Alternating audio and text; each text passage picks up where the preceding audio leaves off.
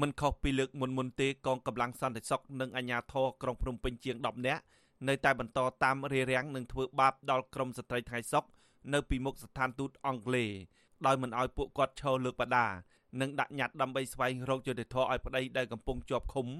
ដោយសារតែមូលហេតុនយោបាយនោះទេក្រមសន្តិសុខនិងមន្ត្រីប៉ូលីសសុទ្ធតែជាមនុស្សពេញកម្លាំងនាំគ្នាប្រាហឹង្សារុញច្រាននិងចាប់ទាញកញ្ឆក់យកបដានិងរូបរបស់អ្នកជាប់ឃុំ ពីក្រមស្ត្រីទាំងនោះព្រមទាំងបាញ់អាកុលដាក់មុខពួកគាត់ទៀតផងប្រពន្ធសកម្មជនគណៈបកសង្គ្រោះជាតិលោកកកកំភាគឺលោកស្រីព្រំចន្ទថាដែលចូលរួមក្នុងការតវ៉ាដោយសន្តិវិធីនោះ បានដើរយំផងអង្គុយយំផងដោយសារតែប្តីកំពុងជាប់ឃុំហើយកូនប្រុសម្នាក់ទៀតរបស់លោកស្រីត្រូវបានសមត្ថកិច្ចចាប់ខ្លួនទៀត លោកស្រីរៀបរាប់ថាវាជារឿងអាក្រក់ហួសថ្លែងដែលក្រុមអាជ្ញាធរតាមធ្វើបាបពួកគាត់ជាស្ត្រីទន់ខ្សោយគណៈពួកគាត់គ្រាន់តែឈរលើកបដាតវ៉ាដោយសន្តិវិធីរៀងរាល់ថ្ងៃសុកដើម្បីទាមទារឲ្យដោះលែងប្តីពួកគាត់មកវិញលោកស្រីស្រែកដង្ហោយហៅឲ្យស្ថានទូតអង់គ្លេសជួយអន្តរាគមន៍ទៅរដ្ឋាភិបាលកម្ពុជាឲ្យដោះលែងអ្នកជាប់ឃុំនយោបាយទាំងអស់និងកូនប្រុសឈ្មោះកសវណ្ណឆៃដែលសមត្ថកិច្ចទើបចាប់ខ្លួនកាលពីយប់ថ្ងៃទី24មិថុនា ហើយរដ្ឋាភិបាលនឹងគាត់ធ្វើមិនគិតសាដើមឡើងវិញគាត់ធ្វើមិនគិតពីវិជាពលរដ្ឋខ្មែរគិតជាខ្មែរដូចគ្នាទេទម្លាក់រកការចោទរបស់ក្តីខ្ញុំឲ្យអស់ទៅដល់លែងពួកគាត់ទៅវិញមកឲ្យមានកំហុសទេហើយកុំធ្វើទៅបុកបណ្ដេញវិជាពលរដ្ឋទៀត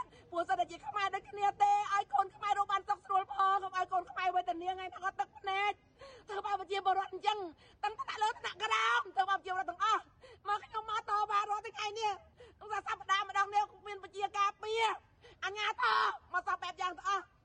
មកមកមកធ្វើទឹកបុកបណ្ដេញមកទាញមកអូគ្រាន់តែលើកបាដារូបផ្ដាត់ប្តីក៏អត់បានដែរតែច្បាប់ត្រង់ណាមេត្រាត្រង់ណាមិនឲ្យពួកខ្ញុំលើកផ្ដាត់ប្តីដើម្បីស្រ័យទៀមទាអីក៏យុទ្ធធម៌ម្ល៉េះសម្រាប់ប្រជាពលរដ្ឋខ្មែរតេតិនទៅនឹងការរៀបរៀងក្រមស្ត្រីថ្ងៃសុកនេះអ្នកនាំពាក្យប៉ូលីសក្រុងភ្នំពេញលោកសានសុកសីហា នៅតែបកស្រាយដដែលដដែលថាវិធានការរបស់អាជ្ញាធរនេះគឺដោយសារតែក្រមស្ត្រីទាំងនោះ ធ្វើសកម្មភាពជួបជុំតវ៉ារំខានដល់ពលរដ្ឋផ្សេងទៀតជាពិសេសមិនបានសុំច្បាប់អនុញ្ញាតពីសាលារាជធានីភ្នំពេញនៅពេលដែលអាស៊ីសេរីបន្តសួរដេញដោលអំពីករណីនេះលោកសានសុកសីហាបដិសេធឆ្លើយតបនិងផ្ដាច់ទូរស័ព្ទទៅវិញ អឺអានេះខ្ញុំអត់ចង់ឆ្លើយទេបងជាសំណួរដែរដែរដោយខ្ញុំបានបញ្ជាក់ច្រើនដងច្រើនសារបើសិនជាមានអឺការអនុញ្ញាតត្រឹមត្រូវពីសាលារាជភ្នំពេញមានលិខិតត្រឹមត្រូវអាហ្នឹងក៏វាមានបញ្ហាដែរសំខាន់គឺការធ្វើនេះគឺវាមានមិនមានការអនុញ្ញាតត្រឹមត្រូវបើដូចអាហ្នឹងសំណួរហ្នឹងខ្ញុំលេចចង់ឆ្លើយវាដូចដែរដែររហូតសួរដែរដែររហូតទោះជាមានការរារាំងពីអាជ្ញាធរក្តីក្រមស្ត្រីថ្ងៃសុកនៅតែអាចដាក់ញត្តិតាមការគ្រោងទុកបានមន្ត្រីស្ថានទូតអង់គ្លេសបានចេញមកទទួលញត្តិនិងសន្យាថានឹងប្រគល់ញត្តិនោះ ទៅដល់ដៃឯកអគ្គរដ្ឋទូតអង់គ្លេស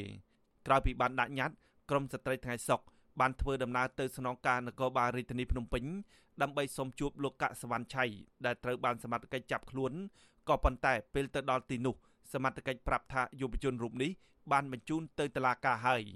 អ្នកនាំពាក្យប៉ូលីសក្រុងភ្នំពេញលោកសានសុកសីហាបានអះអាងថា សមត្ថកិច្ចបានបញ្ជូនយុវជនកសវណ្ណឆៃទៅសាកសួរនៅសាលាដំបងរាជធានីភ្នំពេញនៅវេលាម៉ោង2រសៀលថ្ងៃទី25មិថុនាប៉ុន្តែលោកមិនបានដឹងថាតឡាការសម្រេចបែបណានោះទេមកដល់ល្ងាចថ្ងៃដដែលនេះលោកបញ្ជាក់យ៉ាងខ្លីថាការចាប់ខ្លួនយុវជនរូបនេះគឺពាក់ព័ន្ធទៅនឹងបទល្មើសចំនួន2គឺញុះញង់បង្កឲ្យមានភាពវឹកវរធ្ងន់ធ្ងរដល់សន្តិសុខសង្គមនិងការជេរប្រមាថមន្ត្រីរាជការសាធារណៈតាមបណ្ដាញសង្គម Telegram យុវជនកសវណ្ណឆៃអាយុ16ឆ្នាំនិងមានជំងឺអូទីសឹមពីកំណើតត្រូវអាជ្ញាធររបបក្រុងភ្នំពេញមានគ្នា20នាក់បានសម្រុកចូលចាប់ខ្លួនរូបគេដល់ផ្ទះនៅក្នុងភូមិថ្នត់ជ្រុំសង្កាត់បឹងទំពុន2ខណ្ឌមានជ័យនៅវេលាម៉ោង8យប់ថ្ងៃទី24មិថុនាហើយបានបញ្ជូនទៅឃុំខ្លួននិងសួរចម្លើយទាំងយប់នៅស្នងការនគរបាលរាជធានីភ្នំពេញលោកកសវណ្ណឆៃគឺជាកូនប្រុសរបស់សកម្មជនគណៈបកសង្គ្រោះជាតិលោកកកំភៀដែលកំពុងជាប់ឃុំនៅក្នុងពន្ធនាគារព្រៃសរ ម្ដាយយុវជនកសវណ្ណឆៃគឺលោកស្រីព្រំចន្ទថាថ្លែងទាំងទួញសោកថាលោកស្រីមិនទាន់បានជួបកូនប្រុសនៅឡើយទេមកដល់ល្ងាចថ្ងៃទី25មិថុនាដែលធ្វើឲ្យលោកស្រីព្រួយបារម្ភជាខ្លាំងអំពីសុខទុក្ខរបស់កូនលោកស្រីចាត់ទុកថាគឺជារឿងអយុត្តិធម៌បំផុតដែលអាជ្ញាធរចាប់ឃុំខ្លួនប្តីលោកស្រីទាំងអយុត្តិធម៌ជាង1ឆ្នាំហើយបែជាបន្តចាប់ខ្លួនកូនប្រុសរបស់លោកស្រីដែលមិនទាន់គ្រប់អាយុនិងមានបញ្ហាស្មារតីទៀតផង លោកស្រីអះអាងថាកូនប្រុសរបស់លោកស្រីមិនបានប្រព្រឹត្តខុសច្បាប់អ្វីឡើយប៉ុន្តែអាជ្ញាធរចាប់ខ្លួននេះដើម្បីបំបាក់ស្មារតីលោកស្រីដែលតែងចេញមុខតវ៉ាទាមទាររកយុត្តិធម៌ឲ្យប្តីចាប់ប្តីខ្ញុំហើយចាប់កូនខ្ញុំទៀតគម្រាមកំហែងខោខើមែនតែននិយាយទៅគម្រាមកំហែងពួកខ្ញុំ មិនឲ្យពួកខ្ញុំចេញតវ៉ានេះជាចាប់នេះចាប់គឺដើម្បីបាក់ស្មារតីពួកខ្ញុំគម្រាមកំហែងពួកខ្ញុំទៀតចាហើយមិនគួរណាមកចាប់កូនប្រុសខ្ញុំដែលអត់ដឹងអីសោះហើយក្មេងដែលមិនតគ្រប់អាយុហើយជានិតិជនហើយគាត់ស្ទាក់អត់ទៅល្អទៀតសួរថាមកចាប់គាត់ទៅកើតក្មេងនៅកំព្រាពុកនៅជាប់គុកសួរថាឈឺចាប់អត់ម្ដាយចេញតវ៉ារាល់ថ្ងៃសុកគេទាញគេអូគេប្រមាថសពបែបយ៉ាងឥឡូវមកចាប់កូនទៅព្រោះឈឺចាប់ប៉ុណ្ណា កាលពីដើមខែតុលាឆ្នាំ2020អាជ្ញាធររបបក្រុងភ្នំពេញក៏ធ្លាប់ចាប់ខ្លួនយុវជនកសវណ្ណឆៃអស់រយៈពេល2ថ្ងៃដោយសារតែបានចូលទៅប្រមូលទងគណៈបកសង្គ្រោះជាតិនៅឯទីស្នាក់ការកណ្ដាលគណៈបកនេះម្ដាយរបស់លោកកសវណ្ណឆៃអះអាងថាចាប់តាំងពីពេលនោះមក កូនប្រុសរបស់លោកស្រី មានស្មារតីខុសប្រក្រតីជាងមុន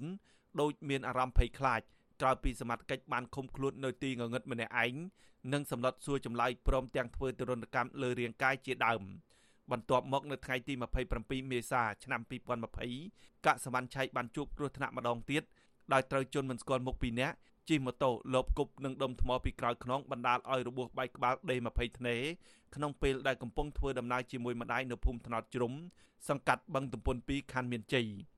ទោះជាយ៉ាងណាសមត្ថកិច្ចបានខកខានក្នុងការតាមចាប់ជនដៃដល់យកមកផ្ដន្ទាទោសតាមច្បាប់ប៉ុន្តែបែរជាចាប់ខ្លួនកសវណ្ណឆៃដែលជាជនរងគ្រោះនៅពេលនោះទៅវិញ អ្នកនាំពាក្យសមាគមការពារសិទ្ធិមនុស្សអាត់ហុកលោកសង្សានករណាសោកស្ដាយដោយសមត្ថកិច្ចតាមរារាំងក្រមស្ត្រីថ្ងៃសុកនិងចាប់ខ្លួនយុវជនកសវណ្ណឆៃ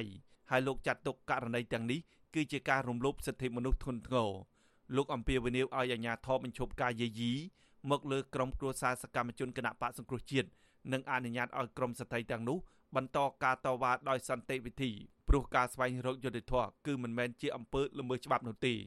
មន្ត្រីសិទ្ធិមនុស្សរូបនេះបារម្ភថាចំណាត់ការរបស់អាជ្ញាធរនេះនឹងធ្វើឲ្យក្រុមគ្រួសាររបស់សកម្មជនគណៈបពប្រឆាំងមានវិបត្តិផ្លូវចិត្តនិងវិបត្តិសេដ្ឋកិច្ចគ្រួសារធ្ងន់ធ្ងរបន្ថែមទៀត។ សហគមន៍អន្តរជាតិតែងតែទទូចឲ្យមានការបើកនៅលំហសេរីភាពជាមូលដ្ឋានពាក់ព័ន្ធទៅនឹងសិទ្ធិពលរដ្ឋនយោបាយពាក់ព័ន្ធនឹងលំហលទ្ធិប្រជាធិបតេយ្យជាដើមហើយបើសិនជានៅតែបន្តនៅស្ថានភាពតាមតឹងបែបហ្នឹងយើងមានការព្រួយបារម្ភណាស់ចំពោះសម្ពាធផ្សេងផ្សេងដែលជាហេតុធ្វើឲ្យប៉ះពាល់មកដល់សង្គមជាតិយើងចំណុចទាំងអស់នេះយើងគិតថាជាបញ្ហាមួយដែលធ្វើឲ្យប្រទេសជាតិយើងចេះតែធ្លាក់ទៅក្នុងស្ថានភាពមួយដែលពិបាកក្នុងការដើរឡើងវិញអីជាដើមពាក់ព័ន្ធទៅនឹងការអនុវត្តនៅលទ្ធិប្រជាធិបតេយ្យនិងសិទ្ធិមនុស្សណាបាទក្រមស្ត្រីថ្ងៃសុកបានអះអាងថាបើទោះបីជាអាញាធរធ្វើទុបបុកម្នេញពួកគាត់បែបណាក្តីក៏ពួកគាត់នឹងមិនបញ្ឈប់ការតវ៉ាទាមទាររកយុត្តិធម៌នោះទេក្រមស្ត្រីទាំងនោះបានបញ្ជាក់ថាពួកគាត់អាចបញ្ឈប់ការតវ៉ាបានលុះត្រាតែអាញាធររដ្ឋាភិបាលទម្លាក់ចោលការចាប់ប្រកាន់មិនត្រឹមត្រូវទាំងនេះនិងដោះលែងសមាជិកគ្រួសាររបស់ពួកគាត់ឲ្យមានសេរីភាពឡើងវិញខ្ញុំបាទហេងរស្មី អាស៊ីសេរីពីរដ្ឋធានី Washington